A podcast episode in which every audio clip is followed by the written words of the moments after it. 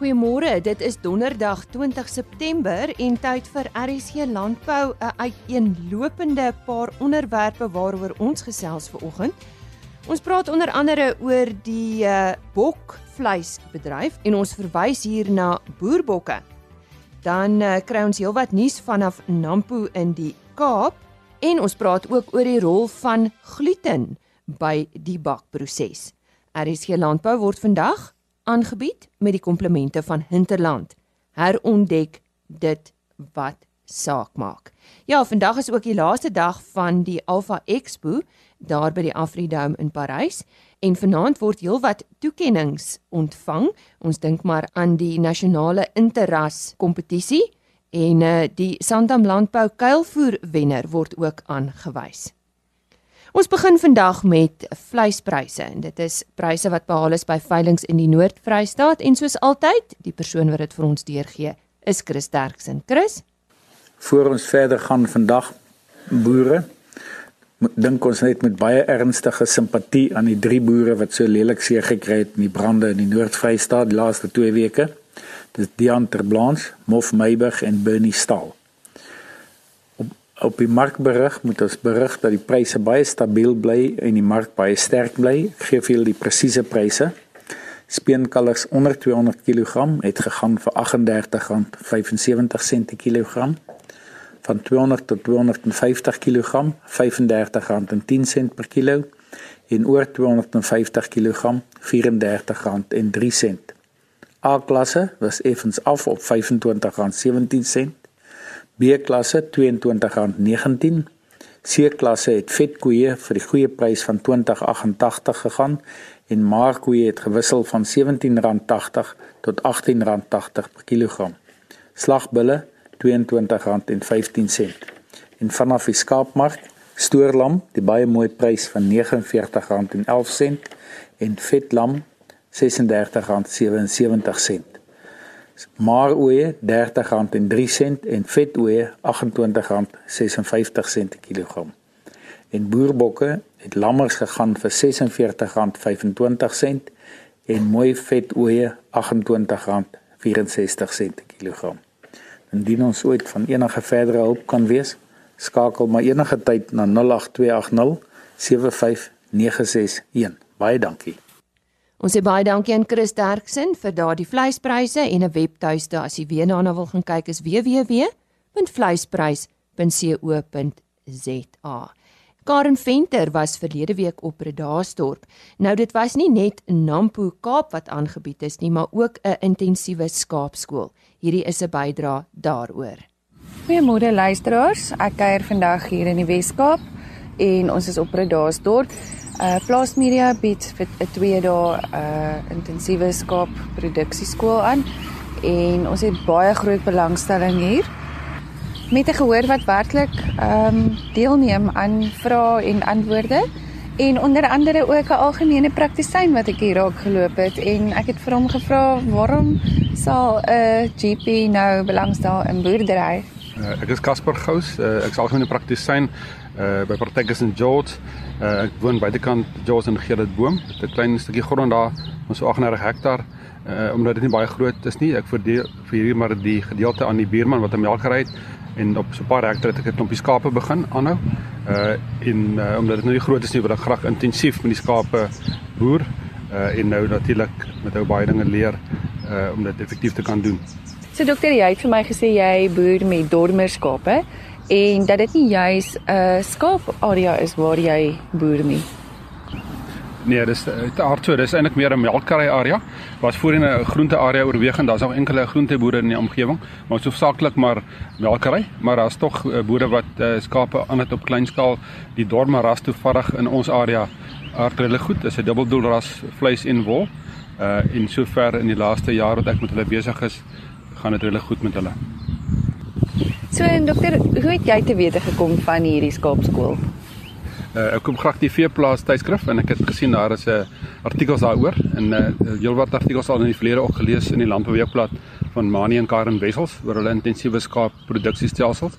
Dit het my nogals geïnteresseer om te weet presies wat jy wanneer moet doen uh, en 'n bietjie leiding te kry. En is dit vir jou 'n leersame twee dae hierdie? Uh ja, uiteraard boerdery het, vele fasette van weidingbestuur uh tot uh, siektebeheer. Ehm um, uh so vir alle aspekte word gedek op die kursus. Is daar een wat vir jou spesifiek uitgestaan het sover? Uh wel Mani en Karen, jy kan sien hulle is baie entoesiasties oor wat hulle doen en hulle gee vir jou praktiese uh, tips oor uh oor die boerdery. Nee, ek dink die kursus is baie leersaam selfs vir beginnende boere wat uh met skaapboerdery begin. Uh, asook uh, boere wat uh, wil oorslaan van uh, graan na uh, weiding en ook skape wil inbring in hulle boerdery uh, om te kyk hoe hulle dit kan uh, uh, interaksie kry. En daardie ek julle dit luisteraars, ons sê vir dokter Gous baie dankie en sterkte vorentoe. Karen Venter wat daar met dokter Casper Gous gesels het wat die skaapskool daar op Bredasdorp bygewoon het. So 'n bietjie later in die program hoor ons ook wat by een van die nasie in gesprek sessies gebeur het. Ons volgende gesprek vir oggend gaan oor gluten se rol in die bakbedryf. Nou ek gesels hieroor met uh, Teresa De Beer. Sy is 'n voedselwetenskaplike by die Suid-Afrikaanse Graan Laboratorium. Nou Teresa, ja, dit is 'n gevreesde woord onder mense wat gesondheidsbewus is, maar verduidelik eers vir ons wat is presies is gluten? Uh, Môre Elise, ja, ehm um, gluten is 'n kollektiewe naam van die proteïen wat in sekere grane voorkom. Die gluten in koring spesifiek bestaan uit twee komponente, gliadin en glutenin. En dan staan ander grane soos uh, rog en gars wat ook 'n tipe gluten bevat. Ehm um, maar 'n ander samestelling en meestal net as 'n enkel komponent. Ehm um, in rog is dit byvoorbeeld sekalien en in gars noem ons dit ordien. Nou waarom is mense bang vir gluten? Uh wat is die gesondheidsimplikasies daarvan? Uh dit is waar dat baie mense wel sensitief is vir gluten of ons sê nie tolerant en dit kan simptome veroorsaak soos uh maagkrampe, naarheid, hoofpyn, ongemak. Ehm um, dan dit is dan mense wat dan net spesifiek sensitief is daarvoor. Dan is daar 'n deel van die populasie ongeveer so 1 in 100 mense wat ook 'n genetiese toestand kan hê uh, wat kan lei tot celiac siekte. Uh dit is 'n reaksie wat jou immuunstelsel het wat die dun darm aanval en spesifiek die die villi wat die ab absorpsie orgaantjies is in die dun darm en wat dit dan beskadig. Dit uh affekteer die liggaam se vermoë om voedingsstowwe op te neem en wat dan kan lei tot ernstige siektes, toestande soos um ontwikkelingsprobleme by kinders want as die probleem nie vroegtydig gediagnoseer word nie dan neem hulle eenvoudig net nie voedingsstowwe op wat hulle uh, metabooliese prosesse kan um uh aanvuur nie. En dan kan daar ook bloedarmoede, diabetes en dan ook sekere kankers veroorsaak wat natuurlik baie ernstig is um as 'n mens nie die produkte vermy nie. So watter alternatief is beskikbaar vir iemand wat met so 'n tipe allergie sit? Ongelukkig is daar nie behandeling vir celiac siekte nie, eerder maar net die voorkoming van die produkte wat gluten bevat. Maar daar is ook ander meel wat mens kan gebruik in die plek van koringmeel. Uh deesdae is daar soveel alternatiewe op die mark. Uh daar's aartappelmeel, rysmeel, klappermeel, kekerertjie of in Engels chickpeas. En dan is daar ook um, baie ontwikkelingswerk wat gedoen word op byvoorbeeld cassava of tapioca uh meel. Um en dan is daar ook die oranje patat wat ons dan deesdae as 'n vars produk in ons winkel sien wat as 'n gedroogde vorm in 'n meel omskep word wat 'n baie voedsame alternatief bied vir mense wat nie kan koring eet nie. Kom ons gesels oor die ander kant, die ander sy van die saak. Wat is die voordeel dan van gluten vir die bakbedryf? Wel vir die bakbedryf is uh, gluten 'n onmisbare bestanddeel. Dit is 'n intedeel 'n wonderbestanddeel. Ehm um, die tydens die bakproses, die broodbakproses, word meel en water en dan ander bestanddele bymekaar gevoeg en dan gemeng en gluten in koring is uniek waar die gliadin en glutenin, die twee komponente, wanneer dit nat word en dan meganies in beweging gebring word soos in 'n menger, bind dit dan aan mekaar in 'n glutennetwerk wat soos 'n web aan mekaar gewewe is. En dan een van die bestanddele in brood is natuurlik gis. Dit produseer koolsuurgas. En hierdie glutennetwerk hou die gas in plek sodat dit nie ontsnap nie en die brood dan kan rys. En die glutenkwaliteit is geweldig belangrik vir die bakker. Uh die twee komponente gliadin en glutenin, die een bepaal die rekbaarheid van die deeg en die ander een bepaal die elastisiteit van die deeg. En dit dit dit verskil ook van van een tipe koring na ander van die hoeveelheid water wat dit kan absorbeer. En dan hoe meer water daar geabsorbeer word, hoe meer deeg is daar en natuurlik verhoog dit dan opbrengs. Nou waar kom julle die Suid-Afrikaanse Graan Laboratorium in? Wel, soos ek genoem het, elke koringkultivar ehm um, het verskillende gluteneienskappe. Dan word dit ook beïnvloed deur die grond en die area waar die koring geplant word uh, of bemesting gebruik word so stikstof. Stikstof is direk verwant aan die hoeveelheid proteïen in die koring. En dit speel ook 'n rol. En dan by die SAGL gebruik ons 'n verskeidenheid chemiese en reologiese toetse om vas te stel hoe die meel sou optree in 'n bakproses. bakproses. Ehm um, byvoorbeeld hoe lank dit neem vir die gluten om optimaal te ontwikkel. Uh, die waterabsorpsie vermoë van die meel, ons meet ook die rekbaarheid en elastisiteit van die deeg en ons analiseer hierdie meel vir kliënte wat byvoorbeeld probleme ondervind in 'n bakkery. En dan doen ons ook ehm um, ons dien as 'n verwysingslaboratorium vir analises wat kliënte dan self wil doen. Om hier af te sluit Teresa, waarom is dit belangrik om te weet wat die kwaliteit van koringmeel is? Wel in 'n uh, outomatiese grootskaalse bakkery, ehm um, kan daar tot byvoorbeeld 6000 brode per uur gebak word. Dit is dis 'n ontsettend groot volumes. En dit is kritiek dat die eienskappe van die meel konstant bly, soos die hoeveelheid water wat bygevoeg word, die mengtyd, rystyd, broodvolume. Die brood moet ook elke dag dieselfde grootte wees. Uh outomatiese broodsnyers en broodsakkies is byvoorbeeld standaard grootte. So daar's nie ruimte vir foute nie. En om dit reg te kry om daardie kwaliteit elke dag konsekwent te hou, ehm um, moet die meelenaar baie fyn beplan. En net in ons land is daar 'n wye verskeidenheid koringkultivars met uiteenlopende kwaliteite.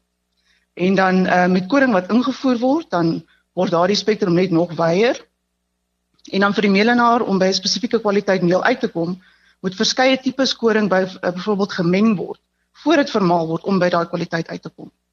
En dan in 'n industrie waar daar amper 10 miljoen brode elke dag in Suid-Afrika verkoop word, maak dit sin om die regte inligting te hê voor die tyd sodat die regte besluite gemaak kan word. Nou ja, die persoon wat daar vir ons vertel het van eh, gluten se rol in die bakbedryf en ook oor die belangrikheid van die kwaliteit van uh, verskeie ander meele met ander woorde ook uh, hierna het ons verwys na koringmeel is uh, Teresa de Beer. Sy is 'n voedselwetenskaplike by die Suid-Afrikaanse Graan Laboratorium. Ons sluit nou weer aan by Karen Venter. Goeiemôre luisteraars. Ons is vandag hier by Nampo Kaap in Bredasdorp en hy gesels 'n bietjie met Theo Foster. Hy is betrokke by Nasie in Gesprek en vanoggend het ons afgeskop met hoe skep 'n mens nuwe energie in die landbou. Ons het 'n uitstekende paneel gehad en ek dink die gesprek het eintlik baie goed gegaan. Ons het Janie de Villiers gehad, hy is die hoof van Graan SA. En Graan SA is toevallig vir die eerste keer in jare direk betrokke by Nampo Kaap um, hier by Bredasdorp en ek dink dit is dis ook 'n pleintjie vir hulle dat hulle die die die die die die Nampo wat ons so suksesvol in Botha wil sien dat hulle dit afbring hier by Bredasdorp toe. Dan het ons gehad vir Chris Burgess, hy is die redakteur van die Landbou Weekblad en ek dink wat Chris se waarde is en ek dink 'n mens moet hom gelukwens is met hulle konferensie van so 'n paar weke gebeure gelede by Bella Bella. Nou daai konferensie tot 'n baie groot mate dink ek was 'n waterskeiding want dit het gefokus op suksesverhale van iets soos 65 boere en wat maar net wys dat daar is is baie baie suksesverhale wat ons nie altyd aandag gee nie. Dan ons van die groter landboumaatskappye, uh François Strydom, die uitvoerende hoof van Senwes was hierso en so ook Andrei Eis. Nou Andrei Eis is die hoof van as 'n mens praat van landbou van Oeverberg Agri wat aktief in hierdie area is, ook Icon Agri, maar Oeverberg is die entiteit wat hier betrokke is in terme van uitleenboeke, in terme van graanopberging fasiliteite en natuurlik in terme van hulle winkels. So dit was die paneel nou wat die gesprek lekker gemaak het is elkeen kom van bietjie van 'n ander invalshoek af, maar elkeen is baie direk daarbey betrokke. En dan aan die politieke kant het ons minister Ellen Wendy gehad. Nou Ellen is minister verantwoordelik vir landbou sake, maar ook vir ekonomiese geleenthede in die Wes-Kaap. So hy kom 'n bietjie van 'n perspektief gee van hoe dit lyk vanaf 'n regeringskant wat hulle sien, waar hulle die regering se rol sien en hoe dit uitspeel. Theo, en wat was die kernboodskap vanoggend geweest? Ek dink die boodskap was en miskien moet ek 'n 'n aanhaling gee van Jannie de Villiers wat hoof is van Graan SA en wat baie nou betrokke was met die huidige gesprekke met die regering op verskillende vlakke. Nou Jannie het gesê dat die afgelope jare in 'n hele klompie jare het ons oor mekaar gepraat. Dit wil sê georganiseerde landbou, boere, landboubesighede aan die een kant en die regering aan die ander kant het oor mekaar gepraat. Elkeen het maar sy eie agenda gehad en elkeen het probeer daarvolgens gesels in terme ook tot 'n groot mate maar met sy eie ondersteunerskorps. Maar vir die eerste keer praat ons nie oor mekaar nie, ons praat met mekaar. En daai met mekaar praat was 'n baie lekker goue draad wat deurgekom het tot so mate so dat ek dink 'n mens moet aanvaar dat dat dat, dat van die posisies begin mense die ander posisie insien. Mense begin sien vanaf die regeringskant dat jy 'n gesonde landbousektor nodig om die sosiale transformasie en doelwitte te bereik. Net so van die regeringskant af besef hulle is almal bewus van die sosiale doelwitte, maar jy het 'n kerngesonde sektor nodig om dit deur te voer. En dan as jy praat van die landboumaatskappye wat wel interessant is, ons het uiteraard die laaste ruk baie hooflyne gekry van grondpryse wat val met 32% en twee van die mense op die paneel is is verteenwoordig landboubesighede wat groot geld uitleen aan die boerderygemeenskap. En François Strydom van Senwes het gesê dat 'n mens moet onthou landbougrond is 'n kommoditeit, vraag en aanbod gaan dit bepaal. Inteendeel, in baie gevalle as jy praat van Suid-Afrikaanse grond wat gedaal het, die Amerikaanse graangrond het selfs verder gedaal en is 'n funksie van kommoditeite. Net so het het um, Andrei Eis van Oeverberg Agri gesê dat hierdie hierdie grondgesprek maak nog geen effek op hulle uitleen nie. Dit is hulle leen op suiwer ekonomiese meganismes in terme van opbrengste en die gronddebat maak niks nie. As ons praat oor die BBP wat af is, die ander groot ding in die nuus en dat landbou 'n groot rol daarin gespeel het. Wel, Jannie weer eens het gesê dat onthou, die graanoes wat hierdie BBP afgetrek het of die mielieoes is geplant in Oktober, nog voor die ANC se konferensie. So om nou dit deur te voer dat hierdie mielieoes het iets met die BBP te doen, jy vat so 'n bietjie wyd. So ek dink die gesprek hierso was dat hier is 'n direkte gesprek aan die gang en ek dink die die vertrekpunt is dat mense is besig om met mekaar te praat en ja, dit gaan nie eenvoudig eenvoudig of maklik wees nie, maar hier's 'n klomp energie losgemaak en hier's 'n klomp idees op die tafel en hier's 'n klomp oplossings. So ek dink as jy kyk na die gesprek wat hier plaasgevind het, dink ek 'n mens moet bietjie begin sê Pasop om nie alles te glo wat jy lees in die pers nie. Hier's 'n baie groot middeweg wat op soek is na 'n haalbare langtermynoplossing. Theo, en dan was daar 'n term wat jy vandag gebruik het, uh die slim geld wat besig is om rond te skuif. Uh wat is daar besig om te gebeur? Wel, Karen, ek dink die punt wat wat so bietjie verrassend is, maar ek dink mense kan dit verwag is dat ehm um, François Strydom wat 'n wat 'n boek bestuur van etlike miljarde rande in terme van uitlenings het die opmerking gemaak dat die slim geld is besig om na om na geleenthede te kyk. Die slim geld is besig om te koop. Die slim geld is besig om hierdie daling in in in grondpryse en die onsekerheid tot hulle voordeel te gebruik en 'n mens wonder altyd dat as die slim geld beweeg gaan die res van ons kom gewoonlik later. Maar die ander punt is moet 'n mens dan nie begin baie mooi kyk wat doen hierdie slim geld nie? Slim geld hierdie as 'n geleentheid sien wel miskien is dit juist hoekom hulle dan sogenaamd nie slim geld is. Maar Karen baie dankie. Ek hoop jy het dit geniet. Ons sien uit na die volgende klompie dae maar sover dink ek dis 'n uitstekende Nampo Kaap. Ons sê baie dankie aan Karen Venter en uh, volgende week kan jy uitsien na nog bydraes vanaf Nampo Kaap en onder andere volgende week Woensdag praat ons oor die garsbedryf in Suid-Afrika. 'n Bokboerdery in Suid-Afrika is nie 'n geheim nie, maar meeste verbruikers is wel in die duister oor waar hierdie vleis uiteindelik opeindig.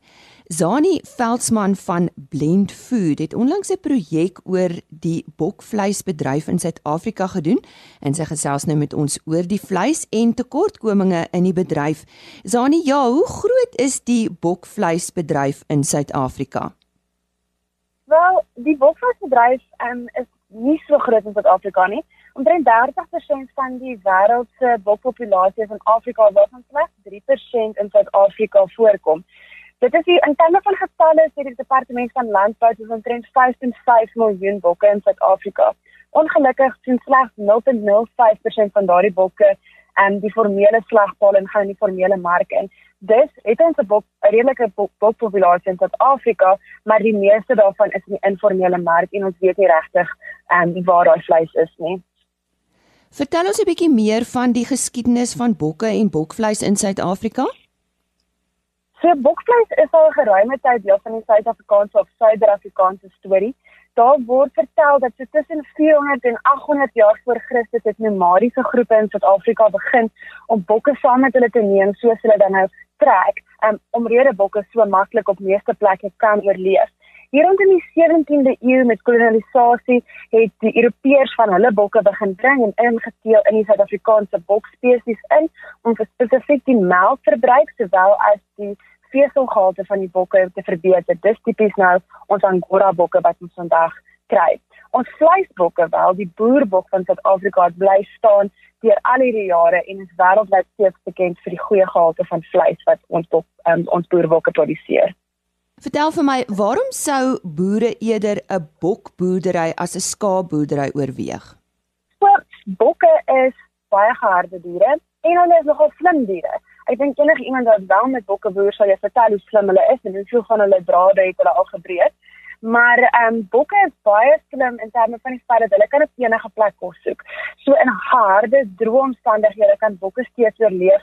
Ehm um, daar's min voer wat daar nodig is en min veiding waar skape sal veiding benodig en indien dit baie droog raak en daar geen veiding is nie, sal hulle voer moet kry. Dis kan bokke op baie verskillende plekke oorleef. Hulle kan self hulle eie kos gaan soek. Hulle gaan soek daar tussen die klippe en die koppies en en kan dus op baie groot dele van Suid-Afrika se boerderygrond en kan ons bokke mee boer. Gegee dat ons groot dele in Suid-Afrika het wat min reën kry deur die jaar. Kom ons gesels 'n bietjie oor die vleis. Uh, beskryf vir ons die geur, smaak en tekstuur van bokvleis, veral vir die van ons wat dit nou nog nie geëet het nie. ja, so bokvleis het 'n baie gematigde geur um, en smaak, dis baie soortgelyk aan skaapvleis. Hoe jonger die bok is, hoe meer is dit amper so skaapvleis. So as jy 'n jong um, bokkie se boutjie met eet, sal dit vir jou net so skaapvleis proe. Ag, hoe ouer die bok egter raak, hoe meer en um, hoe meer raak dit ehm um, ehm um, baie sterk um, en sal jou algemene verbruiker nie noodwendig so baie daarvan hou nie. In terme van die tekstuur selfde beginsel, hoe jonger die bok is, hoe sagter is die vleis en sal ons weer eens nie kan onderskei tussen skaapvleis en bokvleis nie. Hoe ouer die dier regte raak, vir al jou kapaters, ehm um, sal jou vleis baie ehm um, grower raak en nogals 'n uh, 'n uh, 'n rowwe tekstuur hê ehm um, vir die algemene verbruiker en ook taai as dit ouer is soos wat ons nou vleis ja, ken. Baie hmm. baie taai hmm. en daar's maniere dan om dit gaar te maak, maar kan nou nog bietjie meer daar gestel. En hoe voedsaam is bokvleis want ons weet bokmelk is redelik voedsaam. So bokvleis is baie voedsaam. Um, in vergelyking met ons ander bronne van rooi vleis soos beesvleis, skaap en, en vark in Suid-Afrika, um, staan bokvleis nogals uit. Dit is 'n baie hoë proteïen um, inhoud ook 'n baie hoë um, sink en ysterwaarde wat baie belangrike minerale vir gebalanseerde dieet is en dit het 'n lae vetinhoud en dit is waar bokvleis waar bokvleis regtig verskillend is van ons ander rooi vleisbronne is die feit dat dit so goeie proteïenbron is maar met so min dierlike vet. Jy het vroeër genoem dat jy graag oor uh, die gaarmaakmetodes wil gesels. Uh wat is die beste manier? So dit hang vir, vir af van watter snit jy wil gaar maak van die bok. So ons kan of klam ehm um, gaar maak metodes of droog gaar maak metodes volg. As ons kyk na die die bindweefsel en um, en sekere snitte, dit is jou tire snitte, soos die dikrib, die nek of die borststuk, sal klam gaar maak metodes soos stowe of smoor ehm um, beter werk. As ons weer kyk na ons lekker sagte, sappige snitte soos die rib, die lende, die kruis of die bout, sal meer droë gaan maak metodes soos oonbraai of rooster um, goed werk. En uh, ek weet sover ek kan onthou het ek nog nooit bok vleis op 'n winkelrak gesien nie of in supermarkte. Waar kan 'n mens dit koop? Jy is doodreg. Ek het ook nog nie eintlik bokvleis in die winkel teëgekom nie. Ehm um, so tans is dit nie bekombaar regtig in ons formele mark in die winkels en by die slagters en in die stede nie. As jy nie 'n bokboer ken wat vir jou 'n bok kan gee of 'n bok vir jou kan slag nie, sal jy ongelukkig nie en in die formele mark die vleis kan kry nie. In die informele mark is dit egter iets wat baie geëet word veral met met seremonies wat met geloof en met troues te doen het um, en word bokke gereeld geslag en geëet. So as jy by 'n informele mark graag wil vleis koop, is dit tans regtig moeilik om dit te bekom. So wat uh, staan die bedryf nou te doen? Ons kyk nou daar's minder bokvleis verbruikers in Suid-Afrika want daar's natuurlik uh dit is natuurlik nie bekombaar nie. So uh, watse raad het jy? So ek dink daar's dis twee lede van aard. Um, aan die een kant moet ons nog navorsing doen um, rondom die samestelling van die vleis. Baie van die navorsing wat gedoen is in die verlede is uit dinge verander, omgewings verander en ons moet beter verstaan hê van die vleis sodat ons vir verbruikers akkurate inligting kan gee. Aan die ander kant moet ons ook verstaan wat dit is wat verbruikers en wat is hulle persepsie rondom bokvleis? Wat dink hulle as hulle dit sou kon bekom, sal hulle dit koop? As hulle dit nie sou koop nie, hoekom sal hulle dit nie koop nie? En dan daarvolgens met dan nou die navorsingsinligting van die samestelling en die verbruikerspersepsie kan ons dan 'n verbruikersopvoedingsprogram opstel om verbruikers in te lig rondom wat dit is wat bokvleis is, hoe dit 'n voordeel vir hulle kan bied en waar hulle dit ook kan kry. Ehm um, die bokvleisbedryf moet saam staan in hierdie ehm um, saak om seker te maak dat hulle bokvleis verder vorentoe kan neem as 'n 'n beskikbare bron van rooi vleis in die formele mark. Nou ja, dit klink vir my asof uh, bokvleis eersdaags op ons rakke te sien gaan wees. Ons het uh, daar gesels met Zani Veldsmann van Blend Food en uh, sy het onlangs 'n projek oor die bokvleisbedryf in Suid-Afrika gedoen. Ons gesels ver oggend met Neville Raad. Nou Neville is uh, die visievoorsitter van die RPO in die Vrystaat en ons gesels nie vandag RPO sake nie. Ons uh, gesels oor meer ernstige sake en dis die brande wat verwoesting saai daar in die Vrystaat. Miskien kan jy Neville net vir ons die prentjie skets. Uh wat is tans die stand van sake? Ja, baie dankie vir die geleentheid. Uh op hierdie stadium is die brande nog steeds aan die gang. Uh, ek weet vandag is daar weer 'n brand in Rosendal gewees en die brand in Tweeling is nog steeds aan die gang vir die laaste 2 dae. So daar's nou al heelwat hektare weiding verloor, so dit dit dit is maar 'n groot probleem hierdie jaar. Nou die winde, is dit maar die oorsaak? Ja, daar's daar's vele oorsake van dit, maar die winde is nou die groot probleem. Jy weet, dit jag maar die vure erg aan en dan vir ons boere om met ons firefighters in te gaan is regtig 'n probleem met sulke sterk winde wat ons hierdie jaar het. En Neville, jy het nou gepraat van Tweeling en Rosendaal. Waar is jou plaas geleë? Ja, ek is net diskant Rosendaal. Maar die die area wat nou al geaffekteer is oor die laaste paar weke is van Heilbron, Ryds, Kroonstad. Ehm uh, ek het nou gehoor daar's aan die ander kant Potchefstroom daar ook brande gewees. So dis maar omtrent groot deel van die van die Oos-Vrystaat wat wat nou deurgeloop het hierdie jaar. As jy nou praat van skade, jy het nou gesê daar's uh, baie veiding wat al afgebrand is. Ehm um, is daar is daar enige ander skade wat jy van weet van diere of mense wat uh, iets oorgekom het? Ja, ek weet van twee boere wat wat red, redelik ernstig beseer was in die brande daarna by Ryds. En dan was daar 'n boer en sy seun. Ehm um, die seun is blykbaar nou nog in die hospitaal. Hy het sy arm verloor. Hulle moes sy arm afsit. Uh en ja, daar's daar's jy weet dis maar wat gebeur hier. Ongelukkig uh staan mense beseer ook en, en dan natuurlik diere en toerusting en alles wat nog beskadig is. Neville, wat is die oplossing?